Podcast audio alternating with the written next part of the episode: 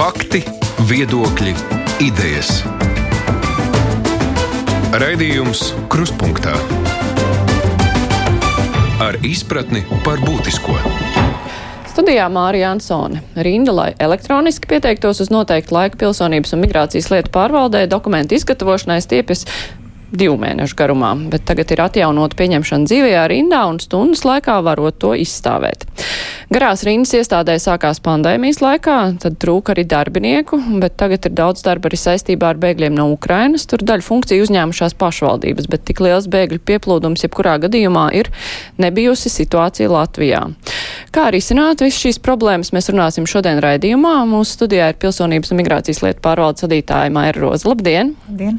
No Saimas pilsonības, migrācijas un sabiedrības saliedētības komisijas vadītājs Andrēs Judins. Labdien! Labdien. Un Saimnes aizsardzības iekšlietu un korupcijas novēršanas komisijas vadītājs Juris Rancāns. Labdien! Labdien. At, attālināti mēs sazināsimies vēl ar uh, bēgļu centra vadītāju Rīgā un centrāla vēlēšana komisiju, bet tas būs mazliet vēlāk un telefoniski. Vispirms raksturojot situāciju, nu tagad tās pēdējās ziņas ir, ka tās rindas ir noskrējušas, tāpēc, ka ir var atnākt dzīvajā rindā, izstāvēt, un vairāk nav redzams tas, kas tur bija pirmoreiz palaižot dzīvās rindas, kur tur kā čūska locījās uz visu dienu un nevarēja tāpat uh, paspēt izstāstīt, uh, izstāvēt. Kāda ir situācija gan ar Uh, vietējo cilvēku dokumentu saņemšanu, gan arī ar nu, bēgļu pieplūdumu. Kura, kura no šīm lietām jums sagādā lielākās galvas sāpes šobrīd?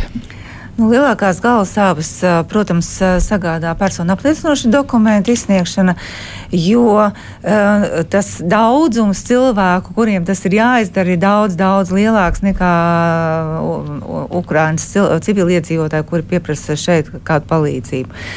Uh, skatoties, kā mēs to organizējam, tad uh, pēdējā laikā mēs esam daudz lietas darījuši, pagarinājuši klientu pieņemšanas laikus pierakstu laiku no 3 minūtēm esam pārlikuši uz 10 minūtēm. Jau ir dienas, kad ir pagarinātais laiks, virsstundas darbinieki strādā arī no centrālajām nodaļām, iet palīgā klientu apkalpotājiem. Uh, un šī dzīvā rinda uh, diezgan daudz ko dod. Pirmkārt, aiztaisa tās šķirbiņas, kur neatnāk cilvēki, jo būtībā no 10 līdz 25% neatnāk, pierakstās, bet aizmirst, neatnāk un neatsaka.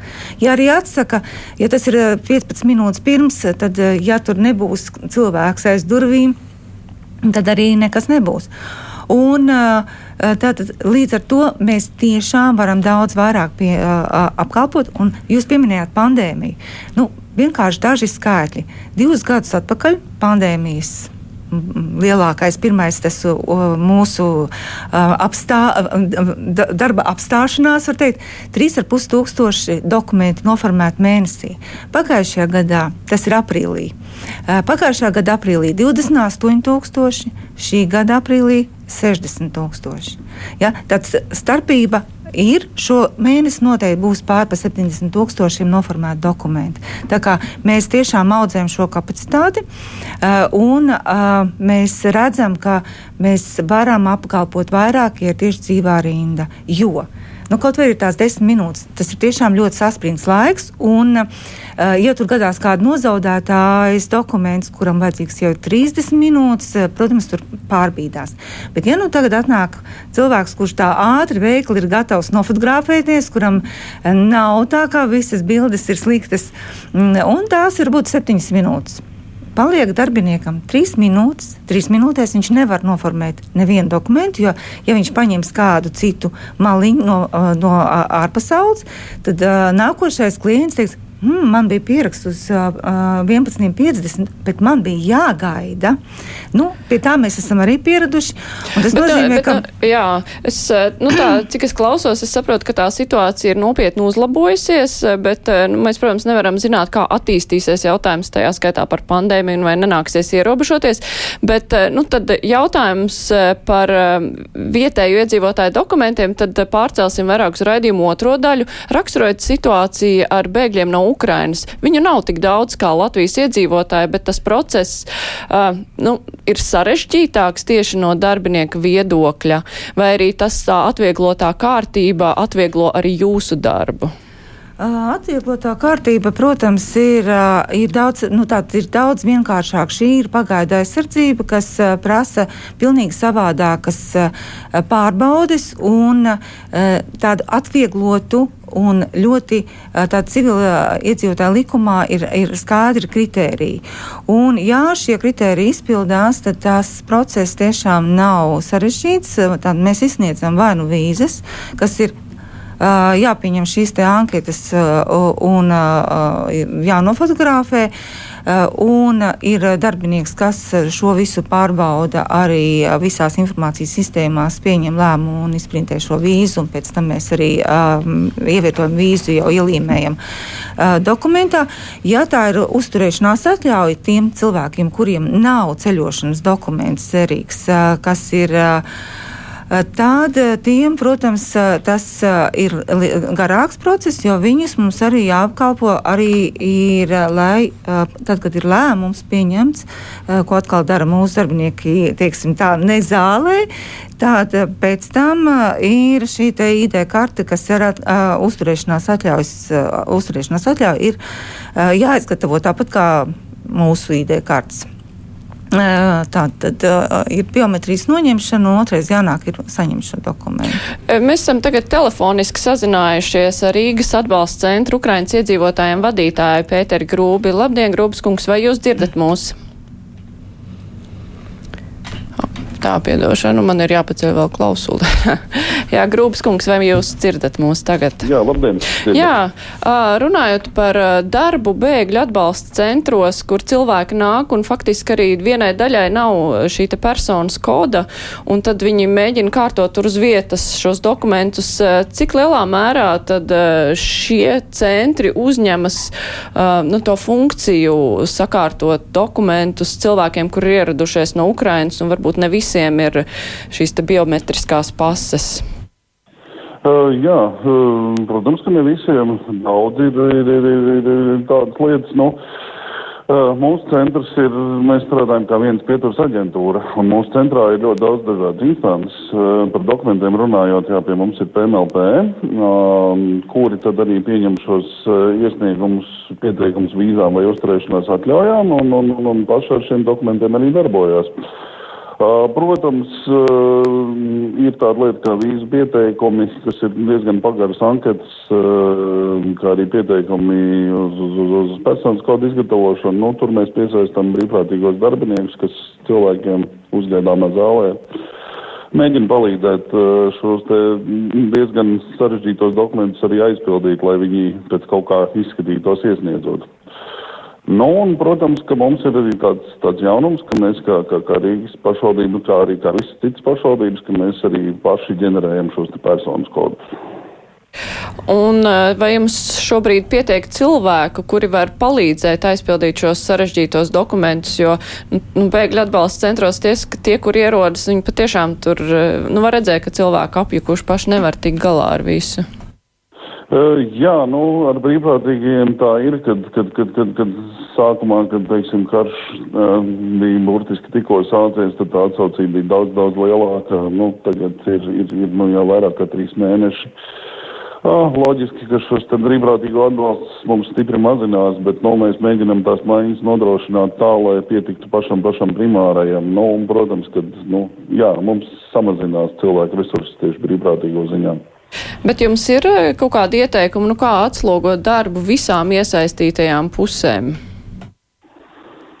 Grūti teikt. Es domāju, ka ar šādu centra izveidi mēs esam diezgan stipri atslogojuši visas iesaistītās puses. Gan mēs esam padarījuši uh, vieglāku ceļu pašiem, pašiem uh, Ukraiņas pilsoņiem, jo viņiem visi, visi, visi pakalpojumi ir pieejami vienā ēkā un vienā centrā, un viņi to var izdarīt, teiksim, uh, visas nepieciešamās operācijas vienas, divas dienu laikā, nevis skrienot pa pilsētu uz katru instanci. Es domāju, ka šajā gadījumā mēs esam arī kaut kur glābuši pašas instances, jo, ja mēs reiķinam, ka šos te Rīgā reģistrētos uh, 16 tūkstoši cilvēkus, ja mēs ieskaitītu visās, visu citu instanšu rindās jau tā esošajās, nu, tad tas būtu vēl briesmīgāk.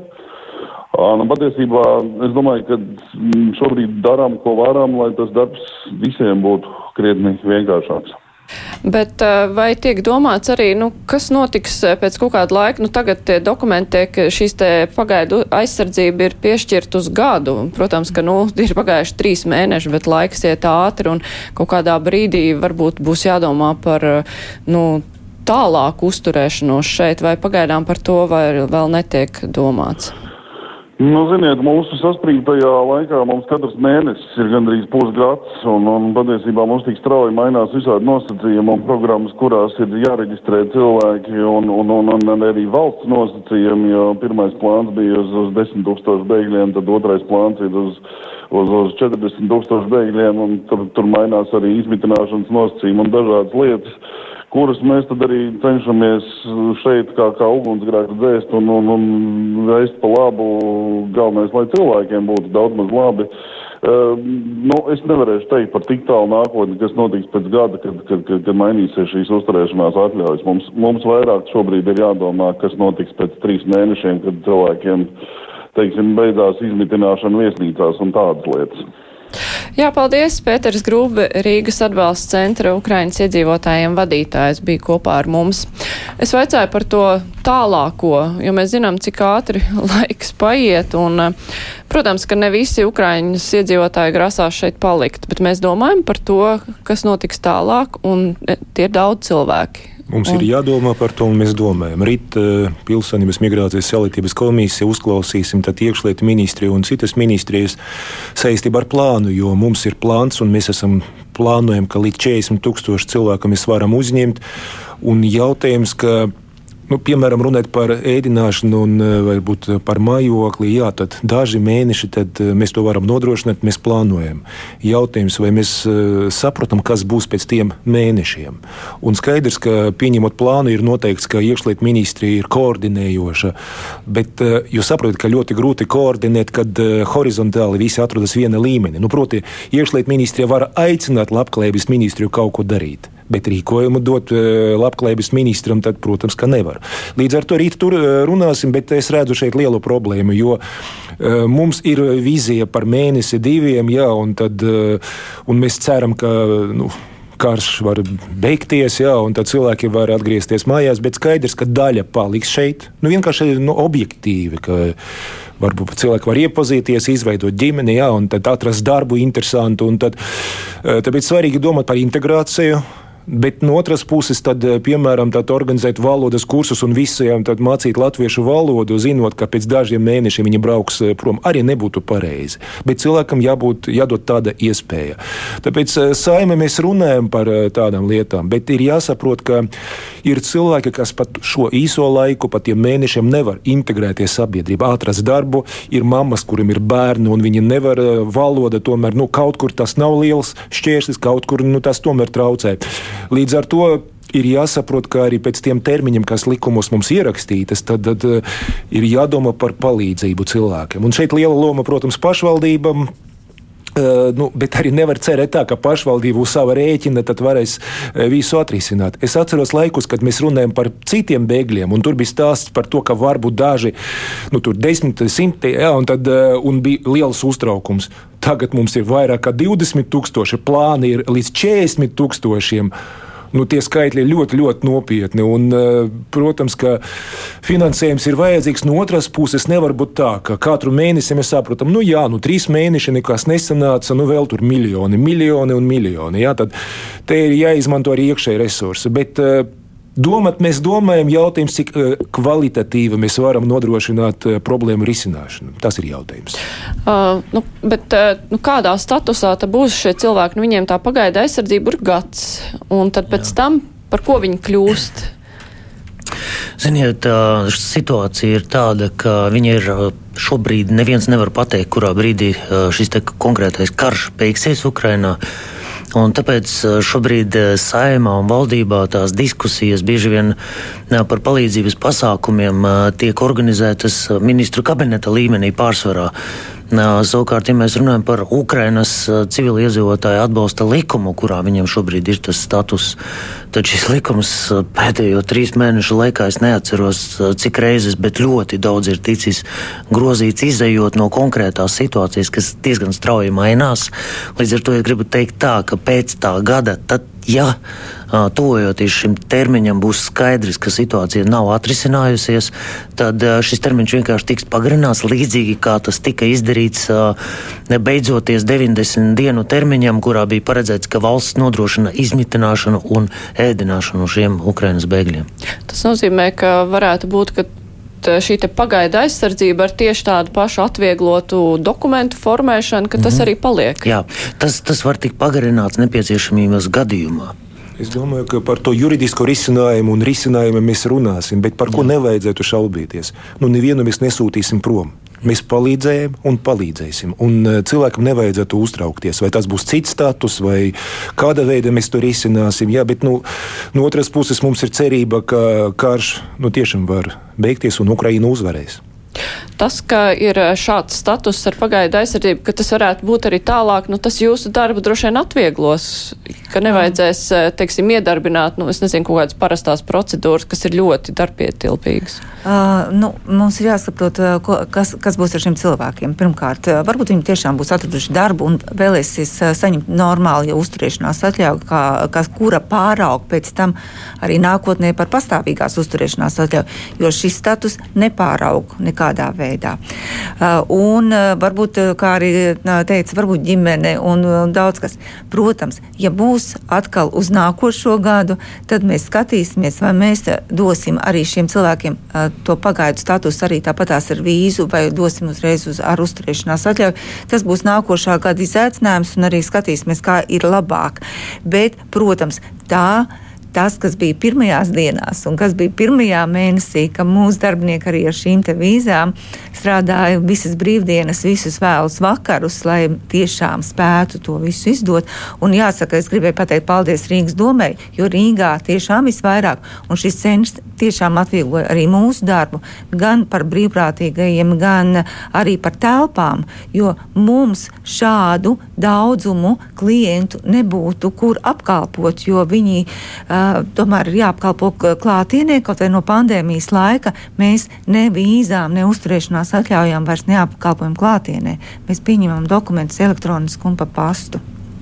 Tā kā šis uh, ir nākotnes uh, skatījums, kas būs, mēs, protams, tam gatavosimies laicīgi, bet būs jāskatās, uh, jā, Bet, nu, principā, protams, ka, nu, mēs, eh, es ceru, ka nebūs vairs šādas lielas krīzes, bet, nu, tas ir tas mehānisms, kā tas varētu darboties arī vienmēr.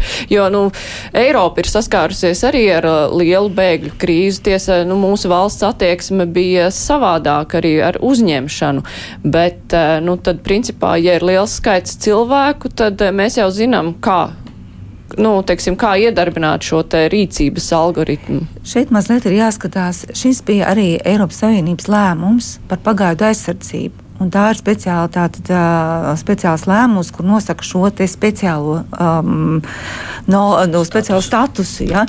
No, uh, Tātad parastos gadījumos, kad uh, uz mūsu robežas ir vairāk patvēru meklētāji, tas nozīmē, ka Eiropa iedarbinās šādu procedūru. Tad, protams, tā procedūra būs parastā. Tikai ar daudz cilvēkiem. Arī tādam, tā, tā, tas, uz, tā, uz tādu arī ir jārēķinās variantu mēs būtu gatavi kaut kam tādam? Nu, Pagājušajā gadā bija. Šobrīd, mēs nelaidām eh, iekšā no Baltkrievijas vienkārši bet, bet bēgļus. Es gribētu teikt, ka tas, ka mēs nelaidām Irākas turistus no Baltkrievijas šobrīd ir, eh, izskatās ļoti pareizs lēmums, jo tad mēs, eh, mums PMLP kapacitāte vispār nepietiktu un arī sociālās sistēmas būtu pārslogotas vienkārši. Un tad, ja mēs nodarbotos gan ar irākiešiem, gan ar ukraiņiem, nu, šobrīd ir labāk tikai ar Ukraiņiem nekā, nekā šie te. Turisti, kas gribēja vienkārši nelikumīgi iekļūt. Nu, tur jau arī kopīgā Eiropas Savienības nostāja tomēr jā, bija, ka tas ir hibrīda kara sastāvdaļa. Un... Jā, jā, jā, tas tā. bija izprovocēts, un es domāju, šīs divas grupas nu nevar salīdzināt. Lai jā, gan es, lai gan es gribētu atzīmēt, ka. Um, migrācijas konferencē ir gadījies būt pēdējā laikā tieši tādā Eiropas un no atsevišķām valstīm, kā no Beļģijas un, un citām, mēs tiekam kritizēti tik un tā par šo konkrēto atspiešanas taktiku. Un tam līdzīgi mūs, protams, vairāk saprot tie, tās valstis, kuras pašas ar to saskarās. Ja, tas, tad Polija, ja, šobrīd mūs ļoti saprot Ungārija, Čehija. Uh, Rumānija, kur arī uzņem ļoti daudz bēgļus. Tā tur tā, tie, kas ir tālāk no robežām, tuvāk okeānam, tie nesaprot šīs mūsu politikas un varbūt kopējās nostājas tik labi kā varbūt mēs paši. Es nu domāju, ka šeit svarīgi ņemt vērā, ka nu, ir situācija, kad cilvēka dzīvība ir apdraudēta. Viņš ir spiests pamest savu zemi. Ja, tad, mm jāsniedz atbalsts. Skaidrs, par to šaubu nav. Bet varbūt arī cita situācija, kur cilvēks iegādājas biļeti, aizbrauca un tā mhm. kaimiņu mhm. zeme viņam palīdz un sūta tieši tad eh, aicina viņus šķērsot robežu. Tas ir pilnīgi cits stāsts. Mm -hmm. Tāpēc eh, pārmest mūsu robežsargiem, ka viņi rīkojas nepareizi, es domāju, ka nedrīkst. Eh, tā rīcība bija pamatota. Pie tām nu, mēs arī aicinājām uz komisiju robežsardus pārstāvjus un dzirdējām, ka, protams, nu, ja ir palīdzība nepieciešama, ja kādam kaut kāda mm -hmm. akūta situācija, tā palīdzība tika sniegta. Nu, nebija tā, ka robežsargi stāvēja ar aizvērtām acīm. Tad, bet vienkārši pateikt, jā, paldies, jūs atbraucat, laipni gaidīt, nu, nebija pamata toreiz. Un pilnīgi cita situācija ar Ukrajinu. To nevar salīdzināt, manuprāt. Nu jā, Ukrainas karš Ukrainā, tas tomēr nu, neviens negaidīja, ka tas būs tāda plaša apmēra. Un iepriekš, kad tika gaidīta kaut kāda iespējams bēgļu pieplūdums no mūsu tuvējām valstīm, bija tad, kad Baltkrievijā notika liela opozīcijas protesta un daudz cilvēku tika. Mm -hmm apcietināti un spīdzināti, un uh, šķita, ka nāks tagad daudz bēgļu no turienes. Vai kaut kādos gadījumos, ja cilvēki nekara dēļ uh, bēg vairāk uz Latviju un nav šī Eiropas Savienības uh, vienotā lēmuma, mēs esam spējīgi darboties ar tādu lielu pieplūdumu, nu, kur mēs redzam, ka humāna apsvērumu dēļ, teiksim, cilvēkiem, kuri bēg, kur te no tās pašas Baltkrievijas vai Krievijas, kur ir ļoti, nu, autoritārs režīms, nu, ka mēs to, ar to varam tikt galā? Um, es domāju, ka šobrīd mums ir ļoti laba pieredze par to, kā vispār strādāt ar, ar lielu pieplūdumu. Un, ja iekšlietu ministrijā bija plāns, kā strādāt, ja tur ir uh, piemēram līdz pat desmit tūkstošiem, tad jāsaka, ka šis plāns ir jāpārstrādā. Skatoties uz tagadējo pieredzi, protams, ar jaunu skatījumu, ar jaunām, jaunu pieredzi. Un, un, un, es domāju, ka šī būs ļoti laba arī mums mācība, kā organizēt darbu nākotnē. Uh, par to, ka varētu būt ne tāda kopīga Eiropas Savienības politika bēgļu uzņemšanā, mēs tam esam gatavi lielam pieplūdumam. Uh, šis jautājums, nu, piemēram, jūsu minētais piemērs par to, ka piemēram, no Krievijas vai no Baltkrievijas varētu būt uh, šis bēgļu pieplūdums. Šobrīd politisks konsensus uh, mēs uh, nav. Mēs nesen grozījām tieši imigrācijas likumu ar nolūku tieši nepieļaut cilvēku, kuriem nebūtu pamatota iemesla no Krievijas un Baltkrievijas, ka viņi varētu nokļūt Latvijā. Un, uh, grozot šo likumu, mēs nonācām pie tā, ka šeit pastāv Eiropas Savienības regulējums, kurš, kurš diezgan stingri pasaka šos izņēmumus, kad tomēr vajadzētu uzņemt. Bet tas, ko mēs centāmies arī nu, no tāda valsts drošības viedokļa skatoties, ka tomēr primāri mēs uzņemam bēgļus no Ukrainas. Un tomēr uh, cenšamies neuzņemt uh, nepamatoti vienkārši katru gribētāju no Krievijas, Baltkrievijas, tajā skaitā, lai neveidotos šeit ne tikai noslodzi mūsu sociālajām sistēmām un nodokļu maksātājiem, bet arī tieši tāda drošības situācija, lai nerastos konflikti starp dažādām šīm bēgļu grupām pareizi pieeja? Es domāju, jā, nu, ir jāsaprot, ja mūsu valstī ir divi miljoni, nu, ko nozīmē liels tad, uh, skaits, ka, cik mēs varam uzņemt? Vēl divus miljonus. Nu, es domāju, ka vienkārši mēs nevarēsim, nevarēsim nodrošināt nu, pamat vajadzības tiem cilvēkiem.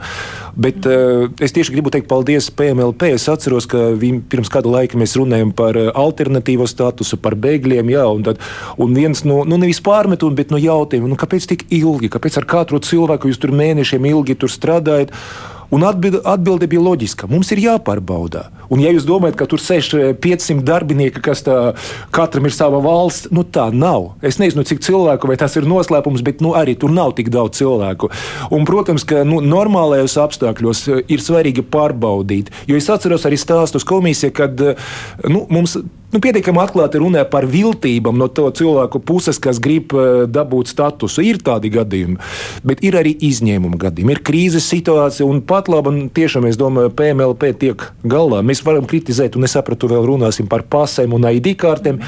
Bet tā ir viena iestāde, un es tikai skatos, dienas kārtība visu laiku mainās. Mēs aicinām uz sēdēm un runājam. Tā ir viena krīze, pēc vienas otra, pēc otras trešā, un tad visu laiku. Paldies par jūsu darbu, jums un jūsu kolēģiem.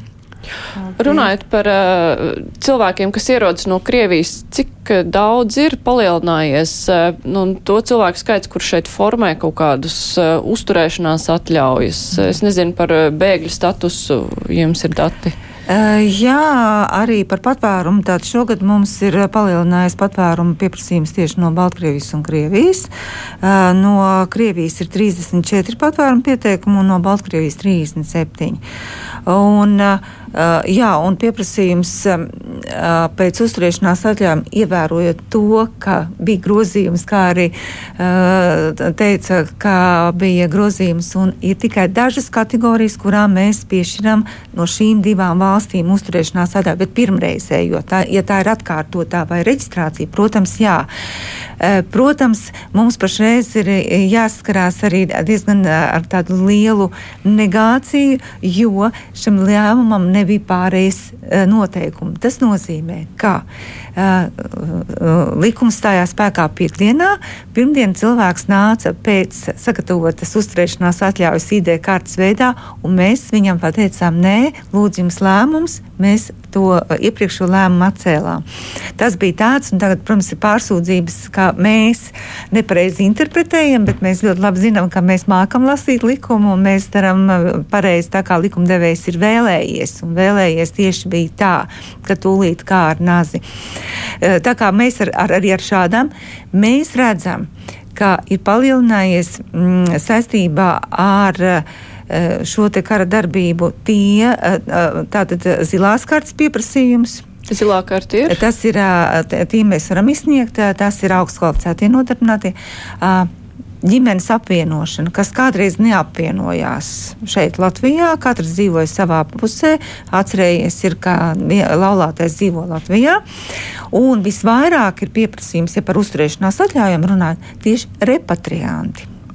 Tātad mums ir ļoti daudz repatriantu, eh, kas eh, mēs zinām, ka Maskavā pašreiz eh, viņi netiek galā ar to pieplūdumu. Viņi mums ir informējuši, ka būs daudz dokumentu no repatriantiem, kuri ir šobrīd konstatējuši, ka viņiem tomēr ir latvisks izcelsmes. Bet nu, tie ir cilvēki, kur ir, es nezinu, izsūtītajiem pēcteči vai viņiem ir kāda vec, vec, vecmāmiņa Latvijā? Kā Uh. Jā, tas ir, tur ir dažādi tie varianti, citi ir, kas ir tiešām sen.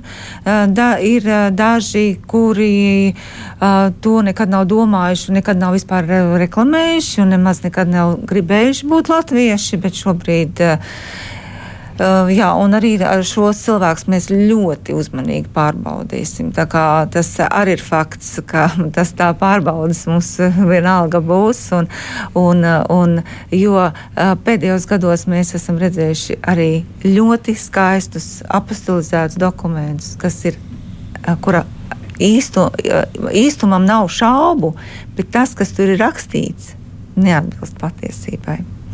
Tad uh, mūsu kā... politika šobrīd ir tāda, ka šos cilvēkus mēs negribam. Maksimāli, cik vien var un atļauj mums Eiropas Savienības regulējums, mēs nelaižam. Es domāju, ka risinājums, kas saimā akceptē, ir pareizs. No vienas puses bija priekšlikums, nu tā taisam durvis ciet, neviens cilvēks. Mm. Tas nav pareizi. Varbūt tieši tā ģimene var apvienoties, varbūt mm. citas eh, situācijas, varbūt kāds latvietis tieši tad uh, Krievija mm. pēkšņi saprata, ka viņš ir latvietis un grib pilsonību. Visādas situācijas var būt, bet durvis nav vairs vaļā un cilvēkam jāpamato. Eh, nu, teiksim, tā, to, ko viņš dara, un PMLP ir jāizvērtē. Un šeit, eh, es domāju, nu, tā steiga nu, nebūtu vietā. Tur tiešām katra situācija mm -hmm. ir mhm. jāvērtē, jāskatās, jo to gribētāju skaits pieaugs. Un eh, varbūt nu, nebūtu pareizi teikt, nevienam cilvēkam vairs nav vietas. Bet nu, Tur katra situācija individuāli izvērtējama. Bet bēgļu statusu pieprasot, tad tiek izvērtēts šis te reālais apdraudējums, ja cilvēks eh, uz to atsaucas. Tā, tieši tā, vai viņš tur ir, piemēram, no politiskais opozicionārs, un kā, tad ir jāpierāda visa šī te, uh, tas pa, ir jāpamato to, ko tas cilvēks pats ir stāstījis ar, ar dokumentiem, ar ierakstiem, ar, ar visu pārējo, lai mēs tiešām varam pārliecināties. Un tur tā kārtība ir tieši tāda pati kā no jebkuras citas valsts. Mm -hmm. Jā. Jā, bet problēma ir tāda, ka mūsu kaimiņu zeme, Krievija, nu, tur ir represīva valsts, un tur tiešām viņi lieto spēku pret eh, citādāk domājošiem. Un es domāju, ka nu, vairākie cilvēki, ja viņi nu, tieši mēģinās atstāt Krieviju, viņi varēs arī pierādīt, jo tur ir vardarbība, represijas, jautājums eh, arī šajos gadījumos ir jāpārbauda, jāskatās. Mm -hmm. nu, te ir mm -hmm. Latvijas drošības jautājums. Mēs nedrīkstam ignorēt. Tad, tad šeit ir tāds līdzsvars. No vienas puses, Latvijas starptautiskas saistības, mūsu pienākums palīdzēt cilvēkam, ja viņa dzīvība, veselība ir apdraudēta. Tad, variantu nav, šaubu nav. Tas jādara gan no tiesiskā viedokļa, no morāla. No otras puses, Latvijas drošība, mūsu cilvēku drošība. Mēs nevaram teikt, lūdzu, visi, kas grib, brauciet. Tā nebūs. Jā, es atgādināšu klausītājiem un Latvijas televīzijas skatītājiem vēlāk, ka šodien kopā ar mums ir pilsonības un migrācijas lietu pārvaldes vadītāja Maira Rozē, saimnes deputāta Andrēs Judīns, kurš vada saimnes pilsonības, migrācijas un sabiedrības saliedētības komisiju, un Juris Rancāns, kurš vada aizsardzības iekšlietu un korupcijas novēršanas komisiju. Mēs tūlīt turpināsim. Raidījums Krustpunktā. Jā, es jau teicu, ka otrajā daļā mēs runāsim par mūsu vietējo iedzīvotāju dokumentiem. Pārsvarā vēstules, kas nāk arī ir tieši saistībā ar to cilvēks uztrauc šī te ID karte, kura būs obligāta no jaunā gada. Pensionāriem nebūs, vai ne? Uh, jā, pensionāriem ir no 30. gada, un uh, ārvalstīs deklarētajiem, kas dzīvo ārvalstīs, tiem ir no 25. gada. Mums zvanīja arī klausītāji pirms tam brīvajā mikrofonā. Es solīju pavaicāt par to viņai stāstīja, ka viņai pasi ir uz mūžu iedota. Viņa nu, uz vēlēšanām aiziet, bet vairāk ar neko tādu nedara. Viņai arī būs tā ID karte no 30. gada. Uh, jā, šobrīd tas ir teikts, ka ir no 30. gada. Arī šiem, šīm personām ir nepieciešama vēl obligātā ID karte. Šis ir uh, varam ministrijas, eh, nevis iekšlietu ministrijas uh, ierosinājums. Es nevaru komentēt, bet mums ir dažas domas, kas varētu būt atvieglot šo jautājumu arī par šādiem pensionāriem, kuri visdrīzākais nekad nelietos ar ID karti, piemēram, kaut kādus mm, e-parakstus un, un, un tā tālāk. Tur ir jāizvērtē. Bet, kā mēs zinām, satiksmes ministrija ID kartēs ir paredzējusi arī šo te um, braukšanas atvieglojumus, un ja tas cilvēks izmantos šos, tad viņam tos, to, to ID karti vajadzēs. Tā kā te ir divas lietas. Jā, varētu neizdarīt neformēt šo dokumentu, bet, ja tas dokuments nesīs iekšā, kā, se, nu, būs ar kādu labumu tam cilvēkam, tad, protams, viņš būs jāformē. Nu, jā, tu cilvēki jau galvenais sastraucās par to sodu, lai nebūtu jāmaksā. Par sodu mēs runājam saistībā ar citiem jautājumiem, un par pasēm, jā, un tad nu, es atceros, es ceru, ka tagad mēs, jūs varēsiet arī apstiprināt, sodīšana nav mērķis, jā, un, tad, un pat ja tagad, piemēram, no laika nevar noformēt cilvēks dokumentu, jā, un tad un PMLP nepiedāvā tādu iespēju, tad sodu nebūs. Nu, es, te, es negribu teikt, ka līdz ar to var visu pārkāpt, bet nav tā, ka PMLP gaida, ka nokavēta viena diena, lai piemērotu sodu. Sods. Bet tai soda, sodam nevar uzlikt kaut kādu pārejas periodu, jo nu, tomēr ne visi ir gatavi stāvēt dzīvajā rindā un uh, ne visi ir proti pieteikties elektroniski. Redzēt, sūtīt tādu signālu, ka likumu var neievērot, ka nevajag mainīt. Piemēram, arī nebūtu pareizi. Ne, es domāju, ka tagad ir ļoti labs un pareizs risinājums. Mums ir paredzēta atbildība bet PMLP, cik es sapratu, nepiemēros sodus līdz brīdim, kamēr ikvienam nebūs brīvi pieejams pakalpojums. Nu, tā es saprotu, nu, lūdzu, apstipriniet, Jā, vai pareizais. Tā, tā, tāda ir tā pareizā doma. Bet šobrīd, starp citu, pakalpojums ir pieejams. Ir ja pieejams, bet ar stāvēšanu rindā, kas vecam bet, cilvēkam var būt grūts. Jā, bet ja šobrīd nav no viņam jāstāv tādā rindā. Ja tas, eh, tā, viņam ID karte ir no tā trīs. Jā, protams, arī varbūt kādam cilvēkam arī, ne visiem senioriem ir uz 50 gadiem, ir arī uz, uz, uz 10 gadiem. Un ko mēs esam ievērojuši, ka tiešām seniori nāk formēt jo viņš nav dzirdējis par to 30. gadu. Tāpēc es ļoti, ļoti uzsveru šo 30. gadu. Un viņš ir ļoti apzinīgs. Un viņš nāk un izstāv un noformē. Un, jo Uh, jā, ja, ja drīkst, es par tiem sodiem gribu pateikt, mēs negribam sūtīt nepareizu signālu, lai nesanāktu tā, ka tie, kam visi jau nu, laiks mainīt, viņi domā, ah, nu taču pateica radio, ka jā. soda nebūs, nesteigšos. Un pēc tam pienāk brīdis, jau pēdējā diena, un visi tad draudzīgi uz PMLP, un atkal PMLP ir vainīga. Mhm. Tad, tad, ja termiņš ir, laiks mainīt dokumentu, laiks piezvanīt, painteresēties, jā, un tad vai ir tāda iespēja vai nē. Līdz ar to es, mans piedāvājums tomēr ar pantiem, kas paredz atbildību, nestrādāt, likt mierā, lai tie panti dzīvo savu dzīvi, bet uh, iestādē vajadzētu nu, ar izpratni tieši rīkoties, nevis mehāniski. Nē, es tikai tā īsi uh, gribēju piebilst, ka pareizi jau Judina kungs saka, ka tie sodi jau ir domāti tiem ļaunprātīgiem un tiem, kas nu, nu, tā nevērīgi patiešām attiecās pret to visu. Nu, tā ir, nu, ja galīgi neapzinīgs cilvēks, nu, tad viņam pienākās. Bet, ja, kā šeit saka, ja noslodze neļauj laicīgi to izdarīt, nu, protams, ka nē. Nu, tas, mēs ejam prom no tādām uh, represīvām praksēm, kādas varēja būt varbūt, būt iepriekšējos uh, desmitgadēs. Jā, bet ir viens datums, kur termiņš spiež, kad būs visiem nepieciešami Pirmais. no 18 gadiem mm -hmm. dokumenti. Uh, tas ir saimnes vēlēšanas, kas būs šoruden. Un, uh, es esmu sazinājusies ar uh, Centrālās vēlēšana komisijas vadītāju Kristīnu Bērziņu. Labdien, Kristīne! Sveiki. Jā, nu, mēs te nesen dzirdējām, nu, pirms kāda mēneša bija tie pēdējie dati, ka 18 tūkstošiem apmēram vēlētāju varētu nebūt personu apliecinoša dokumenta, ar ko piedalīties vēlēšanās. Pirmkārt, kas šis ir par dokumentu, ar ko mēs tagad varēsim vēlēt saimu. Līdz šim tā ir bijusi pase un vienreiz tā ir bijusi arī EID karte, bet komplektā ar vēlētāju apliecību. Tagad tās obligātās nākamgad EID kartes arī būs vienīgais dokuments, ar kur varēs aiziet uz vēlēšanām.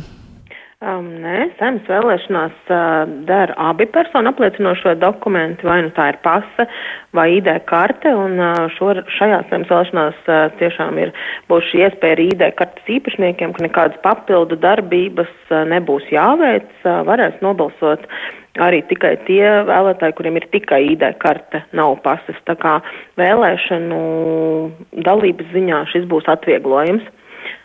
Runājot par tiem cilvēkiem, kuriem nav derīgo dokumentu, tie 18 tūkstoši, tas ir tāda ierasta praksa vēlēšanās, nu, kad, kad cilvēki nav izņēmuši, vai, vai tas ir tāds nestandarta gadījums, ka tik daudziem nav dokumentu? Nu, to droši vien mācās labāk pilsonības migrāciju lietu pārvalde izskaidrot tas, ko mēs, kā vēlēšana organizatori, vienmēr esam darījuši arī sadarbībā ar pilsonības migrāciju lietu pārvaldi, tuvojoties vēlēšanām, saimnes vēlēšanām atgādinājuši par to laicīgi, ka tiešām vēlēšanās ir nepieciešami derīgi personu apliecinoši dokumenti un aicinājuši vēlētājus laikus tos nomainīt. Nu, šoreiz, es saprotu, ir nedaudz atšķirīga situācija ar šīm rindām un Covid laika sekām, bet, ja tā vērtē kritiski, tad 18 tūkstoši ir aptuveni 1,2% no kopējo vēlētāju skaita, un mēs par šo problēmu arī runājam jau tiešām laicīgi, četri mēneši vēl vēlētājiem laiks ir, un arī pilsonības migrācija lietu pārvalde šo problēmu ir apzinājusi, pieteikusi, un es ļoti ceru, ka šī interese, kas ir pievērsta šim jautājumam šobrīd tiešām laicīgi pirms vēlēšanām, nu, lielai daļai šo vēlētāju, kur ir tajā 18 tūkstošu skaitā, tad arī ļaus šo dokumentu nomainīt.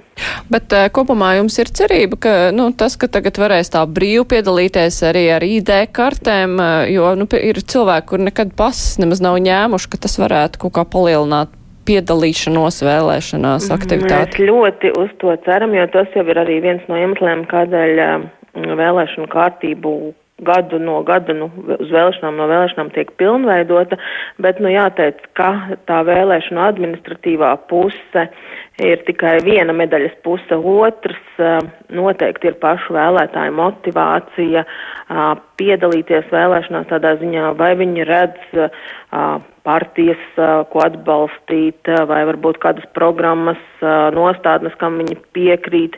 Tā noteikti ir tā svarīgākā daļa pašvēlētāja motivācija, izpratne par to, kāpēc vispār būtu jāpiedalās vēlēšanās un kāpēc nevar atstāt visu izlemt nu, citu, citu ziņā. Tā kā, protams, mhm. jādara viss, lai tās tehniskās iespējas būtu ērtas, bet, bet tā ir tikai viena puse. Jā, paldies, Kristīna Bērziņa, Centrālās vēlēšana komisijas vadītāja. Tiem cilvēkiem, kuriem nu, ir nepieciešami tie dokumenti uz to vēlēšanu laiku, viņi kaut kā var tikt ātrāk pakaļ, vai viņiem tomēr ir jāiet kopā ar visiem? Nu, es domāju, ka šī dzīvā rinda saucamā, tā ir tieši tas, kas, kas atvieglo, ka jebkurā brīdī cilvēks var, viņam vairs nav jābrauc obligāti uz alūksni formēt, bet viņš to var izdarīt arī Rīgā. Mm. Un Rīgas pirmajā nodaļā mums būs papildus vēl uh, ir piešķirts štāts un visa pirmā nodaļa, pirmais stāvs būs tikai uz personu apliecinošu dokumentu formēšanu. Tad mēs no pirmā data datuma uh, tiek pieņemti jau papildus cilvēki, bet nepietiekoši vēl. Tā kā mēs aicinām cilvēkus pie mūsu darbā. Un, un, Jūsu atalgojums jau ir kļuvis konkurētspējīgāks vai nu pagaidām tas nu, pagaidām nē, bet mums ir motivācijas piemaksas. un, un tad, tad jā, tas arī daudz, daudz būs lielāks, lielāks iespējas noformēt. Bet runājot par tiem 18 tūkstošiem, nu, ja mēs tagad skatāmies, ka nedēļā, ar, kopš mēs palaidām dzīvo rindu, mēs varam apkalpot 4000 nu, dokumentus sagatavot. Ja? Tātad, ja tie ir 4000, 18 tūkstoši, tas nozīmē nedēļas laikā mēs ar šo cilvēku skaitu tiktu galā. Labi, mums ir daļa ar pierakstu, mm, pavelkam mēnesi, bet mēs varam. Bet, nu labi, tās ir eh, vēlēšanas, bet tās ID kartes, nu, cik jums līdz gada beigām tad ir jāizsniedz, lai visi būtu izdarījuši savu pienākumu? Um, nē, mēs to nevaram um, arī ar tiem papildspēkiem, jo tas būtu šogad apmēram miljons simts. Un mēs ļoti ceram, ka ievērot to, ka gada sākumā vēl bija pandēmija un vispārējais, nu, uh, 720, 760 mēs varētu dokumentus izsniegt. Nu, un e, šādā sastrēguma stundas laikā nevar kaut ko citu pieslēgt. Nu, nezinu, citas institūcijas, e, kuras e, piedalās dokumentu formēšanā vai. Dokumentu formēšanā nav iespējams, tāpēc, ka šīs ir speciāla aparatūra. Jā, mēs esam iegādājušies jau mobilās stacijas, jā, kur mūsu darbinieki arī izmanto izbraukumos, kā piemēram Līvānos. Un, Jā, par to mēs arī esam runājuši arī ar citām institūcijām, kā mums ir šobrīd sarunas gan par kaciem, gan par, ar CSDD, kā vēl varētu šo procesu veikt, bet ārpus PMLP tas process būs daudz dārgāks vēl, un arī PMLP joprojām tādā procesā būs jāiesaistās, lai šis process, nu tātad formēšanas procesā apmēram 20% vienalga saglabāsies mūsu pusītē, ja, kas būs pirms, pirms drukāšanas vēl, kas ir pārbaudes vēl dažādas un, un, un dažādas lietas. Tā Tad kā, tieši problēma ir tā, ka tur ir vajadzīga tā sarežģīta aparatūra, kur nevar, teiksim, pašvaldības vienotajā informācijas centrā tur uzstādīt kaut ko. Uh, mēs tāpēc arī iepērkam šīs te mobilās un mēs mēģināsim pašvaldību. Mums ir Siguldā, piemēram, tur ir mūsu darbinieki ar mūsu aparatūru, tur viss notiek.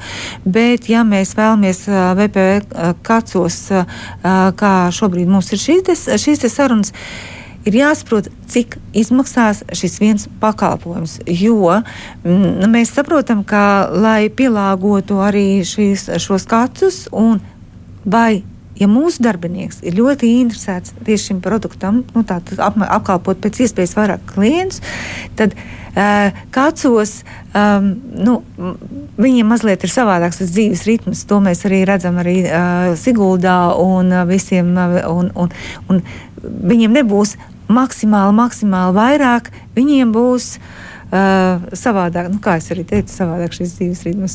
Ceturdaļa miljonus paliks bez tās obligātās EID kartes. Es nezinu, vai ir liederīgi pieņemt daudz, daudz, daudz darbiniekus jaunus, bet uh, lai sastrēgumu šo mazinātu. 20 darbinieki man šeit bija runa. Jā, bet 20 darbinieku uz ceturdaļu miljonu ID kartēm. Jā, bet, jau. bet redzēt, tagad mēģināt atrast kādu citu institūciju un tad uh, apmācīt viņus, pēc tam uzraudzīt tur blakus stāvēs, tad, nu, tas diez vai pareizi pareizs risinājums. Es drīzāk domāju, ka ir jādomā par garākam darba, dar, garāku darba laiku, tieši tādā stundām, tad eh, par eh, darbu brīvdienas. Jo, redziet, Bet tad ir pieņemt vairāk darbiniekus, jo kaut kad šis sastrēgums arī... beigsies, un ko tad PMLP darīs ar tiem daudziem darbiniekiem? Ne, nu, jautājums, ja tagad ir vajadzība, tur var būt dažādi risinājumi, bet, nu, ja darbinieki ir vakances, tad ir jāizpilda. Bet uh, man gribētos nosaukt vienu skaitli. Tad es paskatījos tādu budžetu, mums plānoti ieņē, ieņēmumi no uh, pases un ID izsniegšanas 9 miljoni eiro. Tad valsts plāno, ka Tas nav bezmaksas dokuments. Cilvēki maksā naudu. Un, ja 9 miljoni ir paredzēti nu, ienākošajā daļā, nu, es domāju, daļa no šīs naudas ir jāiztērē tā, lai cilvēkam būtu iespēja apmainīt dokumentu. Un es pieļauju, ka 1. oktobris vispār tā ir svēta lieta, jo skaidrs, ka cilvēkam ir tiesības balsot. Bet eh, daļa gaidīs 20. septembrī, atnāks un tad eh, atkal būs PMLP vainīga. Es domāju, reāli mums ir vasara, trīs mēneši. Un, ja ir iespēja garākas darba stundas, papildus darbinieki, varbūt arī brīvdienas, es lūdzu to darīt. Bet eh, ļoti inovatīvie risinājumi, nu, tagad CSDD tur dalīs ID kartes. Nu, Kamēr mēs iedarbināsim, būs rudens. Nu jā, bet tās lielākās algas šogad to jau nevar izdarīt. Jums jau naudas nav, lai tās lielās algas tagad mm. piesolītu. Nē, nu šobrīd, šobrīd mums ir motivācijas piemaksām, ir, jā, mums ir motivācijas sistēma, kā, kā uh, piemaksāt tām nodaļām, kuras uh, izpilda virs vidējā 20% un tā tālāk. Tā kā mums ir tiešām, un kas darbojas, jā, darbinieki arī no rajoniem a, prasa papildus darbu, ja viņam neatnāk klienti. Viņi prasa citus darbus, jo tur nav tikai pases, protams, jā, un ID kartes, tur ir arī uzturēšanās atļaujas un, un, un ielūguma izsaukuma, viss, viss, viss komplekts, jā, jo mūsu nodaļas, kur ir četri cilvēki, viņi dara visu. Ja, tās, tie, tie, tie ir tik daudz procesi, kas ir jāpārzina. Jā, un algas ir ne, nav, nav tādas, ar kurām mēs varam lielīties. Šobrīd ir tās piemaksas. Protams, uz nākošo gadu mēs lūdzam, lai mums tomēr pārvaldēji piešķir finansējumu, lai pēc jaunās atlīdzības sistēmas mēs varētu minimumu samaksāt minimumu. Mēs neprasām vairāk. Nu, algas nav atbilstošas. Un skaidrs, ka nākamajā gadā ir jāpalielina, un es ceru, ka ministrijas pozīcija nemainīsies. Viņi solīja, ka tā būs prioritāte. Bet tagad, ja cilvēks strādā virsstundas vai brīvdienas, tad tā likme e, par stundu ir lielāka. Jo par to, ka cilvēks strādā sestdienu vai sēdienu, tur arī valstī pienākums maksā tātad vairāk. Maksājam. Un šeit sanāk tā, ka nu, pat labi būtībā tā ir tāda savu to premēšana, ja, un tad papildus nauda. Un, e, mm. Es pieņēmu, ka vairāki cilvēki nu, būs ar mieru strādāt, ja būs tāds piedāvājums. Ja teiksim, kaut kādas virsstundas, ja ar attiecīgu atalgojumu. Nu, nav nemaz nav tik daudz. Tik, jā, tad... jā, jo īstenībā mēs esam šīs pagarinātās dienas, kur ir divas dienas nedēļā pa divām stundām ilgāk cilvēks strādā. Atsaucība nav tik liela, jo arī visiem citiem ir bērni, arī mūsu darbiniekiem, un arī vasara ir arī atvaļinājumi. Un tā, tā. Un nav tik, jo tā starpība par to visu virsstundu nav jau tik liela. Ja, no tās algas, kāda viņam ir. Mums ir šobrīd, jāsaka, tā pārvaldē nekad tā nav bijis, kā centrālās nodaļas tik daudz ir iesaistījušās citu darbu risināšanā. Tas bija gan ar, ar Ukraiņiem, brauc uz Rīgas centru mūsu pilni, pilni tā, tāpat kā apmēram citi brīvprātīgie, kuri nezina par šo jomu neko, viņi brauc un strādāja. Tāpat arī tagad pašreiz ir uh, iemācījušies noformēt pases un iet lejā virsstundās, tajās vakaros mums ir centrālo nodaļu darbinieki un palīdz klientu apkalpotājiem. Nu jā, bet nu labi. Mēs uh, redzam, ka šīs algas ir nekonkurētspējīgas amatā, kas ir ārkārtīgi atbildīgs. Tas jau ir saistīts ar uzturēšanās atļaujām, ar dokumentiem. Nu, tas nav tā kaut kas. Domājot par nākotni, tad uh, kādām ir jābūt šīm algām šajā iestādē? Nu, ko jūs kā, kā deputāti varat solīt, uz ko uzstāsit, domājot par nākamā gada budžetu? Tiešām domājot par nākotni, mums ir jāatzīmē viena situācija, kas politiskā līmenī jau šobrīd ir izpratne, ka divas galvenās tēmas, kas būs uh, tuvākā, tuvāko gadu pat jautājums, tā ir iekšējā un ārējā drošība un viņas stiprināšana, un, protams, ekonomiskie, sociāla ekonomiskie jautājumi. Bet šeit uh, iekšējās drošības stiprināšana, ir atzīmējusies jau šobrīd uh, visos principā politiskajos līmeņos, un es domāju, ka pie nākamā gada budžeta lemšanas šie jautājumi, atalgojuma jautājumi un kadru jautājumi, viņi pavisam noteikti tiks ņems, ņemti vērā, un šis atalgojums tiks veidots konkurētspējīgāks.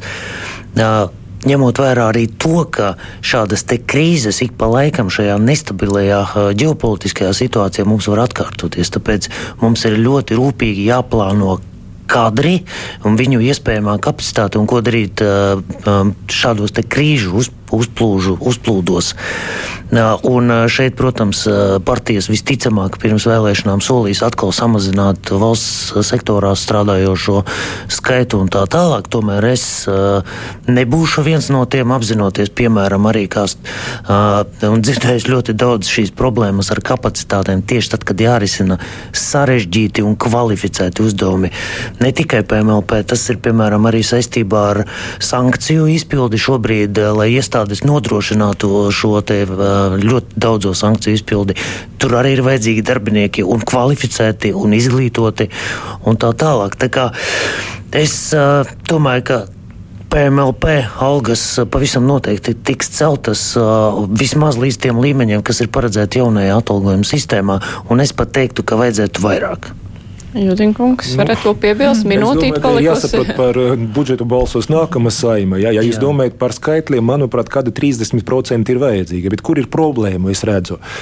Ir ministrija, un, piemēram, runāt par iekšlietu ministriju, tur ir policisti, ugunsdzēsēji, mm -hmm. arī PMLP un citi un citi. Ja viņi izvirza kādu vienu grupu kā prioritāru, un viņi piedāvā palielināt algu, teiksim, plus 30%, tas ir reāli. Ja viņi atnāc un saka, šeit mums vajag šeit un šeit un šeit remontiem un tā tālāk, protams, ka rezultātā vainīga valdība, bet jautājums, ja ir desmit prioritātes, tad sanāk tā, ka katram, katram 5 eiro un tad visi ir uh, neapmierināti. Jautājums, kā ministrija plānos darbu. Bet, uh, Kāda tā summa bija? 675 vai jā, tad, Tas vai... ir bez pieredzes. Un, Minimālais, jā, es domāju. Tad... Šobrīd. Jā, jā, cik tad? Šobrīd viņi saņem 675 nu, bez pieredzes, bet, ja ir pieredze 775. Jā. Protams, nu, tad mēs pareiķinām, cik ir. Drīkst pieminēt, jā, bet pavisam īsi iekšējā ir... drošība. Mēs jā. esam parasti mm. ārpus iekšējās drošības. Jā, bet tomēr šie nu, jautājumi, ka mēs zinām, tomēr ir cieši saistīti. Algam jābūt lielākam. Tas nav nopietni. Tas, kas ir tagad, tas nav normāli. Absolūti. Jā, nu, katrā ziņā te politiķiem, arī tiem, kas būs nākamajā saimā ievēlēti, ir par ko stipri padomāt. Bet es saku paldies. Šodien kopā ar mums Maira Roze no Pilsonības un migrācijas lietu pārvaldes vadītāja, saimnes deputāti Juris Rancāns, saimnes aizsardzības un iekšlietu komisijas vadītājs Andrejs Judins, saimnes pilsonības migrācijas un sabiedrības saliedētības komisijas vadītājs. Paldies, ka varējāt paldies. piedalīties. Raidījuma producenti Ilza Zagīna studijā bija Mārija Ansona. Vislabāk!